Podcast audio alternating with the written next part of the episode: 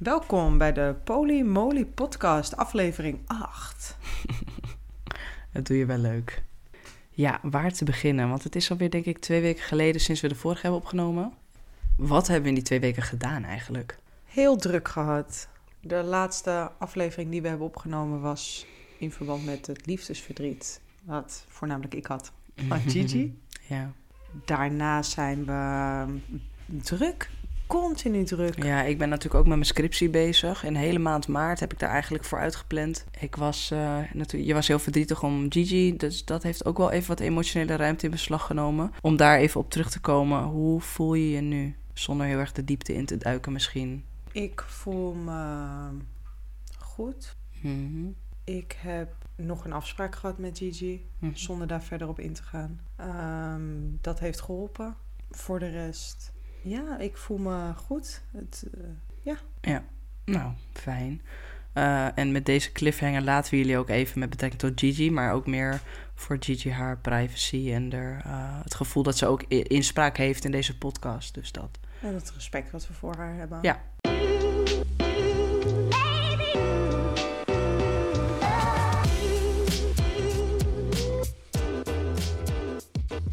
Ik wilde nog wat zeggen. Oh ja, ik wilde wel iedereen heel erg bedanken voor alle hele liefdevolle berichtjes die we hebben ontvangen. Ja, was wel echt heel lief. Want we nemen natuurlijk deze podcast op. En dan is het voor ons bijna therapeutisch soms dat we dit doen. En gewoon heel fijn en heel leuk. Eh, en dan, je verwacht het ergens niet. Maar dan eh, ineens heb je heel veel mensen die toch wel erg betrokken zijn en begaan zijn. En even een lief berichtje achterlaten en steun bieden. Mensen die bellen. Echt wel heel erg lief. Dus we waarderen jullie enorm. Tijdens deze reis in ons avontuur hebben we superveel support ontvangen. Heel veel berichtjes, zowel supportberichtjes, maar ook veel vragen. En een van die vragen die kwam uit wat zorgen. Zorgen voor onze relatie. En ehm, afgelopen week hebben wij gewoon even niet zo lekker gezeten. Mhm. En die vraag die sloot er eigenlijk heel mooi op aan. Ja, twee vrienden van ons eh, die eh, stuurden een berichtje. En die viel in eerste instantie eh, helemaal verkeerd bij ons, want we zaten al niet zo lekker in ons vel. Ook met betrekking tot Gigi. En toen kwam deze vraag en ik denk dat dat gewoon een hele hoop getriggerd heeft bij ons. Dingen waar we ons eigenlijk in de onderste laag al zorgen om maken. De titel die zegt het ook, waar beginnen we aan soms? Dat gevoel heerst heel erg. En er zit bij ons wel een soort angst van, ja, doen we hier wel goed aan? Beschadigen we onze relatie niet? Maar ja, dan zijn we ermee bezig en dan zijn we de podcast aan het maken. En dan denk ik, we gaan zo lekker met z'n tweeën. We doen het zo goed. En dan heb ik er weer heel veel, ja, voel ik heel veel kracht en heel veel juist dat ik denk, nee, dit gaat, we, we doen hier goed aan. Dit past bij ons, dit hoort, dit klopt. Maar tuurlijk is er altijd op die onderste laag is er die vraag, wat, waar beginnen we aan? En eh, deze vraag, ik moet zeggen dat de ene keer als ik hem lees, valt hij alsnog verkeerd. En de andere keer denk ik, nee, ze bedoelen het niet zo. Ze bedoelden het echt als een eh, soort van input voor de podcast. En ik ben heel erg voor kritische vragen stellen, hoor, dat is het niet. Ik denk dat hij gewoon op dat moment eh, verkeerd viel. Maar liefje, wat, wat is de vraag? De vraag is, en dan probeer ik hem gewoon lekker natuurlijk voor te lezen, zonder mijn eigen Interpretatie ervan, ja. Ja. Wat denken jullie op te bouwen met elkaar met deze levensstijl? Of anders gezegd, wat bouwen jullie op in jullie relatie met elkaar? Ja. Dat was de vraag. Mm, laten we beginnen met die eerste. Wat denken jullie op te bouwen met elkaar met deze levensstijl? Wat is het eerste wat er bij jou in je opkomt? Een vrij leven, Hmm. een uitgebreider leven. Eh, daarmee wil ik zeggen, niet het je leven delen met één persoon, maar je leven delen met meerdere personen. Ja. Waar je dus ook meerdere dingen mee kan doen. Mhm. meerdere interesses mee kan delen. Ja. ja, ik denk eigenlijk dat we dit in een van de eerste podcasts ook al een beetje behandeld hebben eh, bij nader inzien. En daar hebben we het ook gehad van, ja, wat, waar- waarom zou je dit in godsnaam willen? Een beetje zo. Maar eh, ja, wat denk je ermee op te bouwen? Ja. Ik, ik kan me heel erg vinden in jouw antwoord, inderdaad. Contact met meerdere mensen, meerdere ervaringen, eh, verschillende dingen leren van verschillende mensen, maar ook seksueel meerdere ervaringen opdoen. Eigenlijk mogen voelen, proeven, eh, verkennen, alles. Ja. Eh, En buitenom dat denk ik ook dat we bouwen natuurlijk ook onze relatie Ja. echt op een hele stevige ondergrond. Althans, die Ja. ondergrond hadden we, die fundering hadden we natuurlijk al neergelegd voordat we hieraan begonnen. Want Zeker. anders gaat het helemaal niet werken. Zeker, Maar ja. we zijn nu eh, de palen aan het neerzetten. En, Ja. De muren en Ja. alles aan het opbouwen. En af en toe wordt er een muur volledig gesloopt. Mhm. Want dat is ook wat zij eigenlijk aangeven. En dat is hun zorg. Dat zij, zij aangeven, het, het, het gevoel is voor hun dat er constant eh, schade wordt aangebracht. Mhm. En dat deze continu hersteld moet worden. En ja, dat, dat is het ook wel een beetje. Op het moment dat er dan iets gebeurt, jij zoent met mensen... of ik ben met iemand weg of iets Mhm. dergelijks... dan is er eventjes een klein beetje schade. Maar is dat erg? Of kan je vanuit die schade weer opnieuw iets sterkers opbouwen? Ja, ik vind schade wel een heftig woord of zo. Is het schade? Of is het gewoon even chaos? Brengen we de boel Hmm. heel eventjes... eh, zetten we de boel heel veel op stelte, zeg maar? Ja, en, en schud je de hele boel door elkaar heen?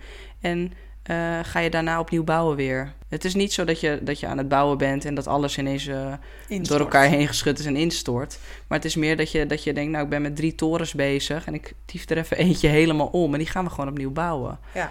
Dat, maar of ik, of ik het echt zie als schade, dat vind ik een lastig. Want op het moment dat jij mij raakt, doordat je iets doet, heb ik niet het gevoel dat jij onze relatie schade aanbrengt. Ik heb wel het gevoel dat er bij mij iets getriggerd wordt, waardoor ik even moet gaan kijken van oké, hoe zit dit, eh, dit bouwwerk in elkaar? Wat wil ik ervan houden? En wat, hoe wil ik het opnieuw bouwen? Dus volgens mij, volgens mij is dat het meer. En, en eh, voor mij doe je het schade aan op het moment dat jij een afspraak met mij compleet negeert of verbreekt.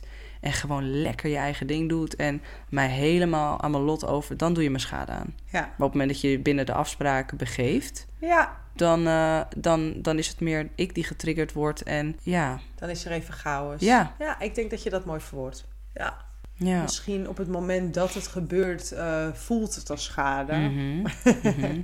Dat zeg ik natuurlijk ook wel eens tegen jou. Je doet maar. Je doet maar Ja. gewoon waar je zin in hebt. Maar dat komt omdat ik dan op dat moment heel veel pijn heb. ja. En jou dan ook pijn wil doen. ja, omdat je gaat reageren vanuit een soort gekwetstheid. Hè? Ja. En dat, op zich brengt ons dat wel een beetje tot het punt nu. Want eh zij schrijven ook in hun, eh, hun berichtje aan ons dat ze het gevoel hebben dat we de hele tijd moeten compenseren om het weer goed te maken met elkaar. Wat ik denk dat heel logisch is, want je gaat heel even door een dal met z'n tweeën. En daarnaast ga je kijken van oké, waar kan ik waar kan ik eigenlijk weer een soort compensatie geven waardoor we weer even goed komen te zijn. En, en nou ja, daar, we hebben het vandaag gehad over die emotionele bankrekening. Dat is iets wat jij geleerd hebt natuurlijk eh, Ja. binnen je opleiding. Ik had er nog nooit van gehoord, maar ik vind het wel een interessante manier om er naar te kijken. Ja, wij zijn natuurlijk altijd met modellen bezig en kijken hoe we... Op, we hebben er straks weer eentje voor jullie. Ehm radar model, maar eerst even de emotionele bankrekening. Wil, je, wil jij daar wat over vertellen? Ja, het gaat om ehm, elke relatie die je eigenlijk hebt. Dus of het nou met je werkgever is, of met je partner, of met vrienden. Mhm. Het zijn continu stortingen die je doet en opnames die je doet. En als je het vertaalt naar je werkgever bijvoorbeeld. Als jij al ehm, eh, tien keer op tijd bent gekomen en de elfde keer kom je te laat. Dan heb je eigenlijk al tien stortingen gedaan. En dan komt er één opname. Waardoor je werkgever eigenlijk zegt, nou... Je bent al zo vaak op tijd geweest, die ene keer, dat is niet erg. Als je dat vertaalt naar waar wij nu mee bezig zijn, Mhm. op het moment dat jij 10.000 koffiedates hebt gehad. En eh, dus dat zijn eigenlijk allemaal opnames. Maar je hebt maar één keer, ben je met mij uit eten geweest. Mhm. Dan staat het totaal in disbalans met Ja. elkaar. Eh, datzelfde geldt voor op tijd komen. Eh, Mhm. daar sta je echt super in de plus. Want jij, jij bent zo vaak, als je weg bent geweest, op tijd, eigenlijk altijd Mhm. omdat je weet hoe belangrijk het voor me is. Dus je hebt daarin zoveel stortingen gedaan dat je op tijd komt. Dat betekent nu niet dat je vrij spel om te laat komen, dat weet je.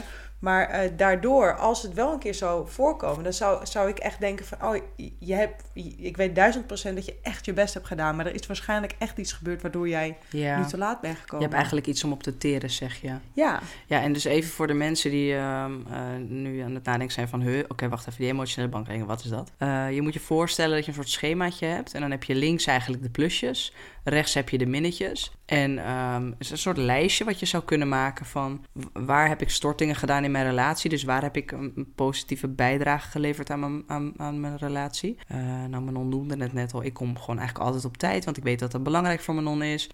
Ik eh, heb vandaag drie bloemetjes gekocht eh, en die zet ik naast mijn onderbed. En dat doe ik vrij structureel. Ik probeer elke maand wel een keer drie bloemetjes te kopen En die kies ik dan ook zelf uit bij de bloemenwinkel. En dan denk ik, nou deze vind ik vandaag mooi, deze, hier gaat ze blij van worden. En die knip ik en die doe ik in dat vaasje. Eens in de zoveel tijd stuur ik jou een kaart bijvoorbeeld met, met een soort liefdesverklaring en hoe ik, me over je voel. Uh, dus dat zijn mijn manieren om uh, stortingen te doen. En jij doet bijvoorbeeld, jij bent heel attent, dus jij legt mijn kleding klaar of zo. Kijk, normaal zoek ik lekker mijn kleding uit, maar bijvoorbeeld een pyjama of zo. Of een, uh, ja, noem het, kruikjes in bed leggen. Dat als ik, als ik lekker bij je kom liggen, dat er gewoon een heel warm kruikje ligt. Ja, dat is voor mij echt wel een dikke storting. Dan voel ik me heel erg gezien door jou.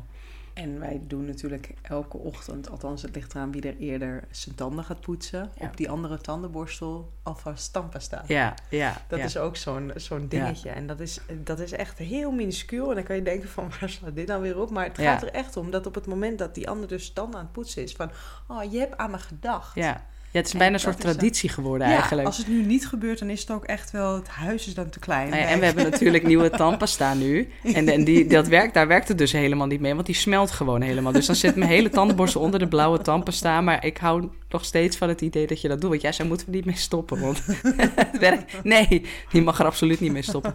Want het maakt, niet uit, hoe- het maakt niet uit hoe boos ik op jou ben of hoe boos jij op mij bent. Er Mhm. zit altijd een beetje tandpasta op mijn tandenborstel. Het is wel zo dat op het moment dat ik heel boos op je ben... dat ik dan een heel klein beetje tandpasta erop doe. Dat, is, dat moet ik wel heel Ja, doe je dat? Zo van, eh.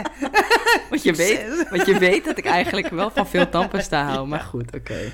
Maakt niet uit. Ehm, nee, dus die, die stortingen en die opnames die zijn wel belangrijk. Wij hebben hem net samen even ingevuld. We hadden het erover dat we hebben de laatste drie dagen flinke ruzie gehad. Wel heel veel moeite ook om eruit te komen. Eh, heel erg jij dit, jij dat. Heel erg die zoek de poef eh, uit het boek van eh, Dr. Sue Johnson, zeg maar. Dat je eigenlijk de, ander, de schuld bij de ander legt. En dat het een soort pingpongspelletje wordt. En ehm, het is heel moeilijk om daaruit te komen. En we kwamen eigenlijk tot de conclusie dat we bij elkaar een beetje in een soort disbalans staan. Hè? Dat we misschien heel veel opnames hebben gedaan. Weinig leuke dingen hebben gedaan samen de laatste tijd. Ja, je kan natuurlijk zeggen, jullie wonen samen, jullie zien elkaar elke dag. Ja, dat is ook wel zo. Maar het wordt ook wel gewoon een eh, structureel huishoudelijk dingetje. Ja. Ehm, op het moment dat we thuiskomen van werk, dan moeten de honden uitgelaten worden. Dan moet er gekookt worden.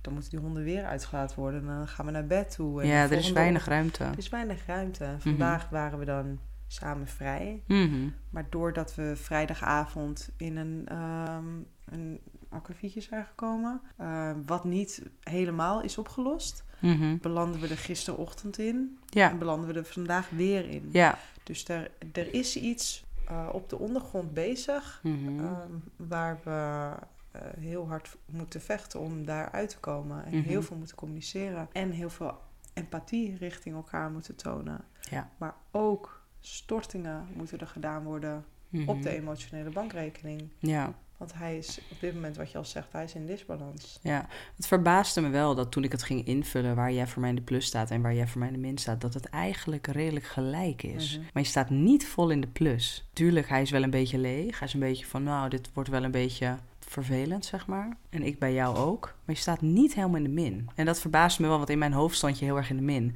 Dus het hielp me alleen al om het heel even in te vullen en te bedenken wat je allemaal goed had gedaan deze week. En waar, waar ik je heel erg dankbaar voor ben deze week. Dus dat eh, het gaf me ook wel weer even een soort opluchting van, oh, het valt eigenlijk wel mee. Ja, Maar ik neem het je gewoon heel erg kwalijk of zo allemaal. Ja, ik denk dat dat ook het ding is. En sommige dingen wegen natuurlijk voor je gevoel veel zwaarder dan de andere dingen. Mhm. En ik denk ook gewoon eh, buiten die storting en die opnames, dat het ook eh, een stukje vertrouwen is in elkaar. En ik ben natuurlijk iemand die heel snel in het existentiële kan gaan denken. Dus ik denk, oh my god, we komen hier niet meer uit. Ja. Maar daarin ben jij over het algemeen altijd super steady. Er is voor mij geen sprake van. Nee. Het, eh, hoe, erg de ruzie ook is. En we hebben eigenlijk over het algemeen nooit zo'n heftige ruzies. En dan één keer of twee keer per jaar, dan steekt het de kop op. En dan gaat het helemaal, de, de- hoe zeg je dat? De, de, de, de dop gaat eraf of zo. Ik weet niet. Vlam in de pan. De vlam in de pan. Dan is hij echt, eh, dan is hij goed heftig. Ja. Maar dan nog denk ik, nee hoor.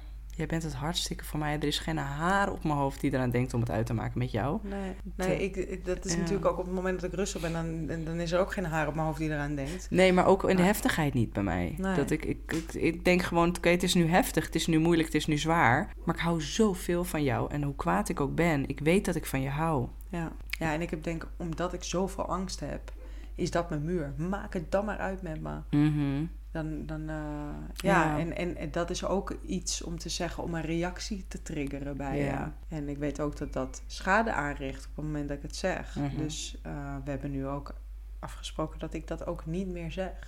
Ik Nee. denk dat ik het nu twee keer heb gezegd tegen je. Ja, in 2,5 jaar tijd zo. Ja, maar het is gewoon niet oké. Maar de afgelopen ja, week is gewoon best wel zwaar geweest. Ja, het voedt bij mij, omdat ik er zo stevig in sta, voedt het bij mij de angst dat, dat jij het misschien wel uit gaat maken of zo. Terwijl ik denk, ja, maar Ja. ik wil helemaal niet van je weg. We hebben gewoon ruzie.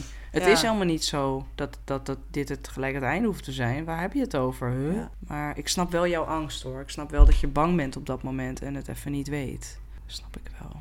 Maar we hebben dus ehm, een model. We hebben het nog niet echt uitgetest. En we hebben het eigenlijk van de, de Engelse podcast eh Multi Amory. Ik luister die podcast eigenlijk nooit. Maar dit werd gedeeld in een eh poly eh, queer groep waar wij deel van uitmaken. Mocht je trouwens ook in die groep willen, stuur even een chatberichtje naar de Polymoly podcast op Instagram. En dan delen we de, de WhatsApp-link met je. Eh, het is een, eh, een queer poly WhatsApp-groep waar ook heel veel advies in gedeeld wordt. Op je er heel echt even worstelt, dan kun je een soort van bijna een casus inbrengen en om advies vragen. Maar ook leuke feestjes worden er gedeeld, meetups worden er gedaan. Het is, wij hebben er tot nu toe heel veel aan gehad al. Ehm, en er werd dus ook dit model gedeeld. Het is in het Engels. Zal ik gewoon even daarna voorlezen? ik denk dat het eh, dat je je moet voornemen dat je met je partner in gesprek wil gaan. Ja, En vanuit daar, voordat je eigenlijk het gesprek Ja. ingaat, moet je aan bepaalde, of moet, Ja.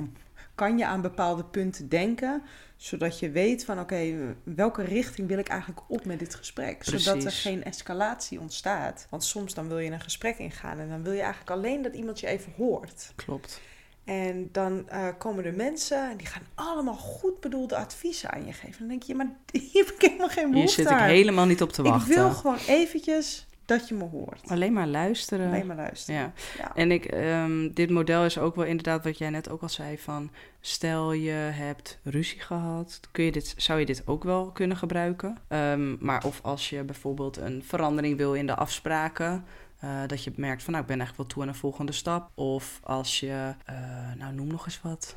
Nou, ik denk dat je wel... eh, Ja. Nou ja, dus we delen dit ook onder de eh Polymoly podcast. Daaronder kun je dit model vinden. Ik ga het even vertalen. In eerste instantie kijk je eigenlijk naar de, de drie manieren van communicatie. Ja, wat is de reden dat jij in gesprek wil? Is dat één, gewoon om te delen en gehoord te worden? Is dat twee, het zoeken van sympathie, comfort of een, een schouderklopje? Of ja, wil je iets vieren? En drie, eh, wil je misschien liever even een probleem oplossen? Zoek je hulp of zoek je advies? Nou ja, als je dat helder hebt voor jezelf, wat de reden is dat je in gesprek wil gaan, dan moet je heel even op de rem trappen nog. En eh, ze noemen het hier HALT. Eh, en dat staat voor hungry, angry, lonely and tired or drunk. Dus ben je hongerig? Nou, is misschien niet zo'n handig om in gesprek te gaan. Ben je boos? Ook niet zo'n handig moment in gesprek te gaan. Misschien ben je eenzaam en wil je dat soort van die leegte opgevuld hebben. Mm, Misschien ben je moe of ben je dus dronken, waardoor je die rem er vanaf is. En denk je, nou, ik, ik wil nu in gesprek. Dus HALT, H-A-L-T. Ehm, en het advies is dan, dat staat hier ook, neem heel even pauze. Zorg dat het probleem waar je op dat moment mee dealt opgelost is. En ga dan terug met waarom wil je in gesprek. Ja, en ik denk daarin, als ik even in mag breken... Mhm. eh, afgelopen vrijdag had ik gedronken. Ja, Ja, zoals iedereen waarschijnlijk wel weet, dan eh, zijn de remmen een beetje af. Dan ben je niet altijd heel erg, ehm, hoe zeg ik het? tactisch. Ja, en dan is het ja. nog netjes gemaakt. ja, realistisch. eh, ja, je mm. kijkt gewoon heel anders naar de situatie. Van met veel meer emotie. Het is, ja. ja, maar... Dus, Dus inderdaad. Op het moment dat ik hem eigenlijk toen al op eh, rem had getrapt van oké, eh, yo, ik heb alcohol gedronken, misschien is het op dit moment niet zo'n slim idee, dan was het ook niet geëscaleerd. nee, En eh, daarbij is het natuurlijk ook goed op het moment dat degene dat niet kan bepalen, dat de partner zegt van ik hoor je, ja. maar nu even niet. Zeg absoluut niet, je hebt gedronken, want dan word ik alleen maar agressief van. Ja. Maar laten we het er morgen over hebben. Ik hoor je, laten we het er morgen over hebben. ja, dus ook meer vanuit zorg. Van, Ja. ik, eh, ik wil het er graag morgen even over hebben. Ja, En, eh, ik wil naar je luisteren. Ik ben er voor je. Ja, Maar nu Is niet het moment om nee, het te nu is niet het bespreken. moment. Nogmaals, ga niet zeggen... Ja, je hebt gedronken. het valt gewoon verkeerd. Ja, het valt verkeerd inderdaad, want je, je kan dat al helemaal niet aan. Nee. Yes, nou goed. Dus stel nou dat je het dus naar de volgende ochtend verplaatst of een ander moment en ja, je je hebt zorg gedragen voor datgene waar je last van had. Uh, je hebt wat gegeten, je bent uh, uitgeslapen. Nou, dan uh, ga je over tot geweldloze communicatie. En hier noemen ze het non-violent communication. En dat gaat eigenlijk uit van vier dingen: een observatie, gevoel, wat heb je nodig en een verzoek. Dus de eerste is eigenlijk van: oké, wat is er precies gebeurd? Dus je observeert wat er gebeurd is. misschien is het handig om een voorbeeldje erbij te pakken. Heb jij een voorbeeld liggen wat je gelijk kan gebruiken? Nou, ik denk dat ik vrijdag er wel bij kan gebruiken. Oké, wat is de Maar observatie? Alhoewel vrijdag natuurlijk met alcohol ook niet een hele goede observatie Nee, was. precies. Dus misschien iets anders wat er vandaag gebeurde. Eh, ja, dat is goed. Oké. Ben jij degene die de geweldloze communicatie toepast of ik dan? Ja, allebei niet eigenlijk. Waarom niet? Omdat we in een eh, escalatie zijn beland. Nou, weet je, eigenlijk had ik het ook wel anders kunnen doen, bedenk ik me nu. Want als ik dit had toegepast, en dat ging natuurlijk bijna niet, want ik was hartstikke boos. maar goed, nou, nou weet je wat, ik doe het nu. Ik doe het nu achteraf. Oké. Een observatie over wat er gebeurd is, vrij van interpretatie, vrij van belediging of beschuldiging. Dus uh, mijn observatie is: um, wij hadden een afspraak. In mijn hoofd was die heel duidelijk. Bij jou was die nee, ja, nou. In ieder geval, wij hadden een ander idee van wat de afspraak was en of er iets tussen kon komen of niet. Dat is de observatie. Dan is het gevoel. Doordat het niet meer ging in mijn hoofd zoals we het hadden afgesproken, voelde ik teleurstelling. Daardoor werd ik eigenlijk heel boos. En werd ik ook wel onredelijk. Nou, dan gaan we door naar wat ik nodig heb. Uh, op dat moment heb ik het nodig dat jij me geruststelt en uh, dat je me vertelt dat het goed komt en dat we onze afspraak op een ander moment of een half uurtje later door laten gaan, dat ik me geen zorg hoef te maken uh, en dat je me gewoon even ruimte geeft om misschien ook boos te zijn. Dus dat heb ik op dat moment nodig. En dan een request en dat doe je dan, dus eigenlijk een verzoek, dat doe je zonder ultimatum. Dus het is niet zo dat je dan mag zeggen, ik wil dat jij over twee weken dit geregeld hebt. Nou, dat, dat is iets wat ik natuurlijk wel een paar keer al heb gedaan bij jou. Dus, en ik weet dat dat niet juist is. Dus dat is iets waar ik op ga letten. Dus in dit geval kan ik dan zeggen van... zou je willen proberen om in het vervolg empathischer op me te reageren... in plaats van boos op mij te worden als ik boos op jou ben? Ja. Dus dit is een voorbeeld van geweldloze communicatie. En dan is het eigenlijk aan Manon om te zeggen... ja, dat is goed. Of nee, dat is niet goed. Of nou, mm, uh, eigenlijk heb ik een soort een middenweg. Jeetje, als we dit vanmorgen zo hadden gedaan hoe, hoe je het nu hebt gedaan... dan was het niet zo geëscaleerd. Nee. Maar ja. dit kan je natuurlijk niet tijdens zo'n zo moment doen. Want nou het, ja, het, op het, zich. Weet je, we hebben natuurlijk met uh, het zoek de boef... Mhm. uh, zeggen we eigenlijk ook ergens van stop. We zitten nu echt in de zoek de Ja. boef. Dus eigenlijk was het nu ook stop. Laten we even het schema erbij Mhm. pakken. Ja, het klinkt heel leem misschien. Maar op het moment dat je dus... We zijn nu natuurlijk echt nu Ja. uh, heel erg onbevoegd, onbekwaam. ja, ja, ja. Dus uh, naarmate we dit vaker en vaker doen, Mhm. worden we op een gegeven moment bevoegd bekwaam. ja, En onbevoegd bekwaam. ja, Onbevoegd bekwaam. ja. Ik noem het volgens mij helemaal verkeerd op. Maakt niet uit. Anyway, kijk, ik, ik stel me dan zo voor dat jij dit blaadje onder mijn neus schuift en dat ik fucking kwaad word. Zeg maar nog kwaaier. Want, want dan, en misschien ook omdat ik op dat moment ben ik boos en weet ik eigenlijk niet zo goed hoe ik aan moet geven wat ik nodig heb. Ik, ik stel me dan voor dat we dan die ruzie gehad hebben. Dat we dan dit eh, formuliertje erbij pakken, even als een soort hulpmiddel, zeg maar. En bedenken, oké, wat heb ik nu nodig? Eh, ik wil eigenlijk, in dit geval had ik een probleem willen oplossen met jou. Dus nummer drie, ik ga een probleem oplossen. Ben ik nu hongerig? Wel een beetje honger, maar het kan nog wel. Eh, oké, eh, nou, weet je, hoe ga ik mijn boodschap aan jou overbrengen? En dan had ik tegen jou gezegd, achteraf gezien had ik dit nodig. En dan kun jij het meenemen. Ja. En Ja. op het moment zelf, ja, kun je op het moment zelf dat je die boosheid voelt, kun je dan al bijna als een soort supervisor boven jezelf gaan hangen en denken: ik ben boos. Ik heb daar meestal even vijf minuten voor nodig. Ja. In die boosheid vind ik alles redelijk wat ik doe. Ja. Ergens weet ik het heus wel, maar kan jij dat, denk je? Kan jij op dat moment in je boosheid? met- Nee, maar ik denk dat jouw kracht eh, dus heel erg, en ik noem het even was, want dat is wat ik de afgelopen week, weken iets wat mis bij je. Jij kan heel goed vragen stellen. Ja, Stop. Wat is er nou? Wat, wat zit er nou onder? ja. Ik bedoel, ik begrijp dat je het vervelend vindt dat afspraken in één keer veranderen. Mhm. Maar wat zit er nou onder? Ja, ik ben teleurgesteld. Ik ben daar eigenlijk verdrietig over. Want ik had er zoveel zin in. Mhm. Oké, maar wat heb je nu nodig? Ja, een knuffel. Weet je, dus dat je het echt vanuit de vraag gaat doen. Mhm.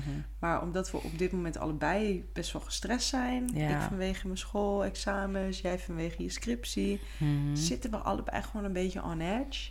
En raken we in die vicieuze cirkel, in dat patroon van als er maar een Ja. klein beetje prikkeling is, schieten we meteen door een escalatie. Ja, we kunnen eigenlijk in, in zo'n staat van zijn helemaal niet zo goed begripvol naar elkaar zijn. Ik denk dat ik het daarom ook wel belangrijk vond om in deze podcast vandaag te delen. Omdat het over het algemeen zijn wij heel goed in communiceren. Gaat dat heel lekker allemaal. En eh, lossen we conflicten heel snel en goed op. En nu zaten we er gewoon drie dagen in. En dan heb je ook hele goede momenten ertussen. En dan ineens weer steekt hij de kop op. Terwijl je eigenlijk dacht, nou, ze zitten gewoon goed. Maar dan Ja. heb je het ergens toch niet goed opgelost. En ik denk dat dat mag ook gezien worden. En dat mag ook besproken worden. En dat mag er ook zijn. Dus soms gaat het bij ons ook niet altijd even goed. Nee. En gaat het gewoon kut. Ja. En hebben we heel veel gehuild. En dan, eh, ja. Even kijken, verder staat er nog op dit blaadje... eh, behandel je partner met compassie en empathie. Dus eigenlijk met liefde, met warmte, met genegenheid, met begrip. Ehm, zorg dat het een veilige plek is. eh, en dat eigenlijk teleurstellingen er mogen zijn, maar overwinningen ook. En dat er ook heel veel soort van, ja... Er mag heel veel dankbaarheid zijn, maar er mag ook heel veel verdriet zijn. En er staat bij, onthoud dat je hier nu zit omdat je wil dat je relatie in, eh, op de best mogelijke manier eh, vormgegeven kan worden. Dus dat vind ik wel mooi dat het erbij staat. En de achterkant, ehm, daar staat, even kijken. Ja, dus het is wel grappig, want er is bijna ook zo'n soort van evaluatieformuliertje. Je maakt dan namelijk afspraken. Dus wij hebben nu afgesproken dat je volgende keer eh, wat empathischer op mij probeert te reageren. Ja. We kunnen dan bijvoorbeeld zeggen van, oké, weet je wat? Aankomende week gaan we eigenlijk die review, agree en eh, discuss action points. Bijna als een soort vergadering, zo voelt het een beetje, Ja, dit formulier. ja. Maar ik vind het wel, wel interessant om uit te proberen. Maar je gaat dus kijken wat er in de afgelopen week goed gegaan is, wat er beter kan. Is er daadwerkelijk verandering of niet? Of is het nog steeds hetzelfde? En ze hebben een aantal topics die je ook gelijk kan bespreken. Dus de quality time die je samen besteedt. Eh, ben je tevreden over je seksleven? Ben je tevreden over de gezondheid? Hoe zit het met andere partners? Hoe, hoe sta je daarin? Eh, ruzie die je maakt, geld, eh, reizen, nou, allemaal dat soort dingen. En er staat ook bij van bespreek deze topics ook als het goed gaat. Ik vind, Ja. vind het wel een soort mooie... Ja, ik vind het sowieso ook heel goed om. Mhm. ehm, want op het moment dat je er dan uitkomt, is het ook belangrijk om dat weer te belichten. Want Mhm. soms, eh, nu heb ik het gevoel alsof we de hele, dat ben ik hè, hele afgelopen week ruzie hebben gehad. Op het moment dat we stilstaan en we een, die emotionele bankrekening van die opnames en die storting even in gaan vullen, dan denk ik, oh, je bent ook echt super lief geweest. Maar soms dan die, die onweerswolk die er dan in de ruzies hangt, Ja, die neemt dan soms echt helemaal de eh, overhand. overhand, inderdaad. Ja. Ah, dus ik denk dat dit gewoon echt een hele goede manier is om even eh, stil te staan bij elkaar. En eh, daarom vind ik het ook zo fijn dat we aan samen aan de tafel weer even eten. Mhm. Als we op de bank zitten, dat we niet allebei één kant, maar dat we echt even tegenover elkaar gaan zitten, even elkaar aankijken. Geen tv en geen muziek. Pak je koffie en gewoon echt even dat gesprek met elkaar aangaan. Mhm. Elkaar echt even zien. Ja, Want zodra jij me ziet, maak je zo'n dikke storting. ja, ja. Ik hou voor jou. Ik ook van jou. Nou, ik denk dat we mooie dingen hebben om aan te werken momenteel. Misschien goed om het nog heel even te hebben over eh, een van de koffiedates die nu eh, toe is aan een fictieve naam. Laura ehm, hebben we haar genoemd. Laura heeft een vriend. Eh, ze zitten in een overwegend monogame relatie. Ze mogen wel seks hebben met onbekende mensen, en maar willen het niet van elkaar weten. Een soort don't ask, don't tell dingetje, maar met wat regeltjes. Nou ja, ik en Laura die hebben wel een beetje een dingetje, een beetje flirten, een beetje dat. Ik ken haar vriend niet. Ik zie Laura best regelmatig. Jij vindt het oké als ik met Laura zou zoenen. Alleen jij zei wel, en dat, daar was ik het ook wel mee eens. In het begin vooral van ja, zij zit wel gewoon in een monogame relatie. Hij stemt hier duidelijk niet mee in. Zij was niet bereid om het te bespreken. Heeft het trouwens inmiddels wel besproken. En hij zegt eigenlijk nee, ik wil het niet. En dit maakt het heel lastig. Want wij zijn ethisch non-monogaam, zeg maar. po- poly- polyamoreus. Ehm, en dat stukje ethiek is heel belangrijk voor me. En tegelijkertijd merk ik dat ik ook wel in een beetje een shift zit. Van, eh, Ik ben altijd bezig met wat andere mensen vinden en wat ik ben altijd bezig met doe ik wel het goede. Ik probeer altijd een soort van zo goed mogelijk mens te zijn, waardoor ik neig om weinig risico's te nemen, weinig fouten te maken, ik wil het zo goed mogelijk doen. En ik had het er met Kelly over en die zei eigenlijk van uh, moet je wel rekening houden met die jongen? Mag je niet gewoon iemand gewoon niet kennen en de verantwoordelijkheid bij haar laten? Dus enerzijds denk ik ja, en anderzijds denk ik, ja, maar dat is helemaal niet eerlijk tegenover hem. Ja, ik, het enige wat ik ervan vind is, jij bent straks de gebeten hond. Ja. Want Laura die gaat straks verder met haar vriend en die praten Mhm. het helemaal uit. Mhm. En jij bent het probleem. Mhm. En daar ben ik bang voor. Dat je jezelf dus buitenom dat je het eh, misschien zou willen doen omdat je scheidgehalte wat hoger ligt, ben ik bang dat jij straks ruzie hebt met iemand waar je heel erg ongelukkig van wordt. Ja. En dat dat aan je gaat vreten. Ja, en tegelijkertijd, want normaal dacht ik precies zo wat jij zegt. En tegelijkertijd denk ik, het is niet mijn probleem. Dat is haar probleem. Natuurlijk ben ik misschien een gebeten hond, maar hallo. Het wordt jouw probleem. Ja, het wordt uiteindelijk mijn probleem, dat is het. En ik, ik vind het zo lastig, want de verleiding ligt heel hoog. Wat het nog lastiger maakte, en daar ligt weer mijn grens, is dat we het hierover gehad hebben. En zij zegt eigenlijk van, ja, maar het gaat niet gebeuren, we gaan niet zoenen. Eh, want jij gaat het tegen Manon vertellen.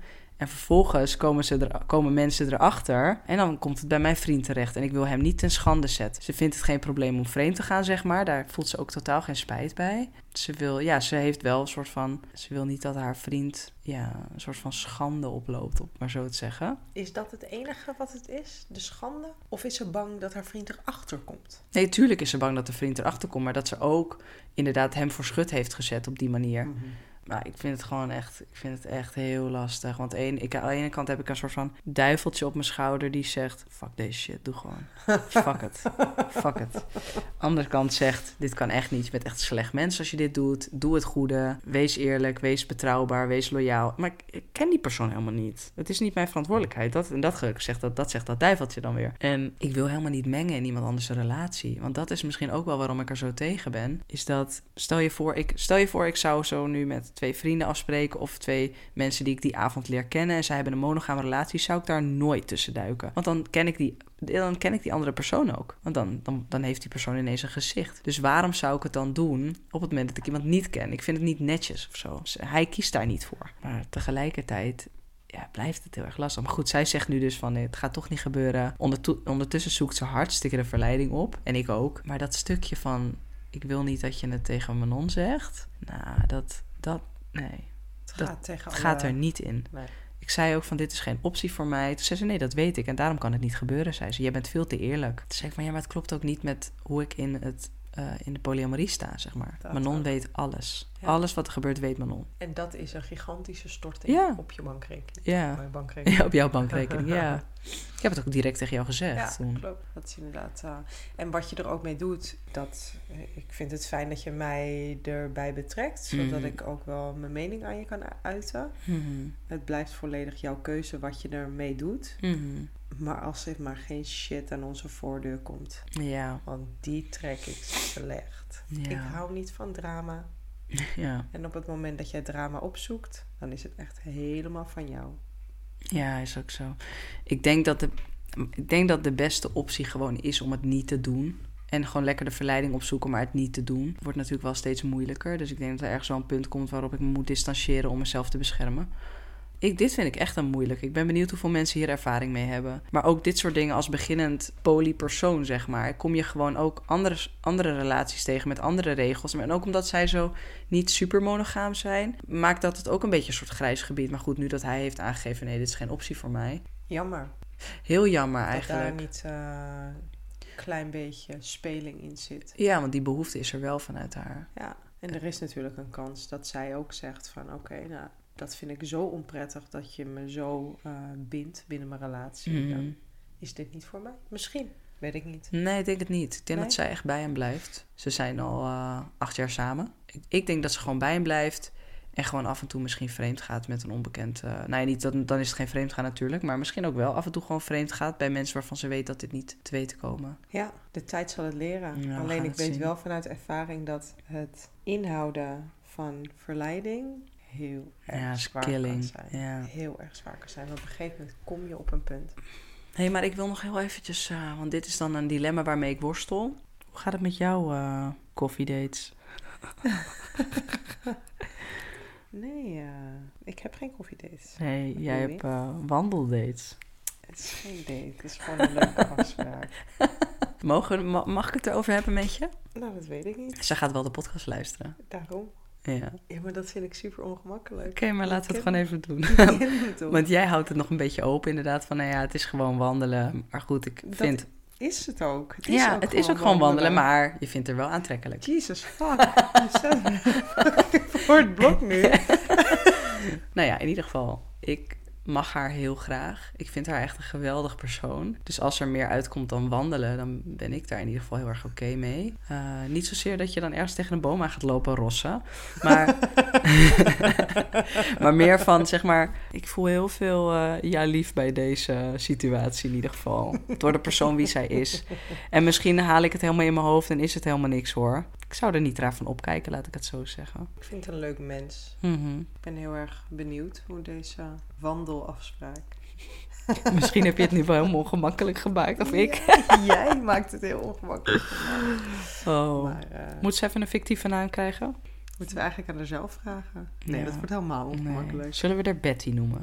Bert, waarom? Jij hebt een Kelly en een Gigi en een Joy. En wat hebben we nog meer? Alex. Alex. Ja. Wat krijg ik? Betty. Wat dan? Even denken. Even een goede naam. Met de B is sowieso een lastige. Berna. Zie je hoe moeilijk dit is? Dus ik vond Betty nog wel best wel creatief. Hou op maar noem even een andere naam dan. Laten we de Bo noemen. Bo? Ja. Oké, Bo. Ja. We noemen er Bo. Dus jij gaat wandelen met Bo. Eh, misschien vriendschappelijk. Misschien potentie tot meer. You never know. You never know. Ik vind haar interessant. Mhm. Is ze ook. Op wat voor manier weet ik niet. Ja. Maar ik vind het fijn om met haar te kletsen. Mhm. ja, ik ken haar al een paar jaar. Ik heb een hele tijd vriendschappelijk eh, met haar gekletst. En eh, soms weer periodes niet en soms heel veel ineens weer wel. En eh, het is echt een mooi, mooi mens. Leuk, interessant inderdaad. Veel diepgang. Ik denk dat jullie het heel goed eh, met elkaar kunnen vinden en eh, veel gesprekken. Dus ik, ik lijkt mij heel erg leuk. En nou, wat ik al zei, door de persoon wie ze is, eh, zou ik het niet erg vinden, zeg maar. Zou ik, ik zou het begrijpen, der- dat. Ja. Maar ik denk dat ik daardoor ook heel goed in mijn ja-lief gevoel kan komen. ja, ik denk dat ik datzelfde wel heb met Kelly. Ja, ik zal er een einde aan breien. Ga er een einde aan breien. Dat is altijd mijn standaard zinnetje. Terwijl je niet eens kan breien. Nee, ik kan niet breien. Kutzooi. Anyway, jij bedankt voor het luisteren van deze podcast. Je kan dus, als je bovenaan bij onze podcast zie je een belletje staan. Als je daarop drukt, dan krijg je een melding als er een nieuwe podcast geüpload is. Ehm, daarnaast, ja, volg ons, eh, like ons, geef ons vijf sterren. Mits je net vijf sterren waard vond natuurlijk. Maar ehm, ja, zou, we zouden dat heel erg waarderen. Instagram. Oh ja, onze Instagram wordt steeds iets actiever. Dus eh, stel ons daar ook gerust vragen als je wil. Er zit bovenaan de pagina een, eh, een anonieme link. Daar kun je op drukken en een vraag insturen. Doe dat vooral en dan nemen we mee. Heel erg bedankt voor het luisteren. Doei!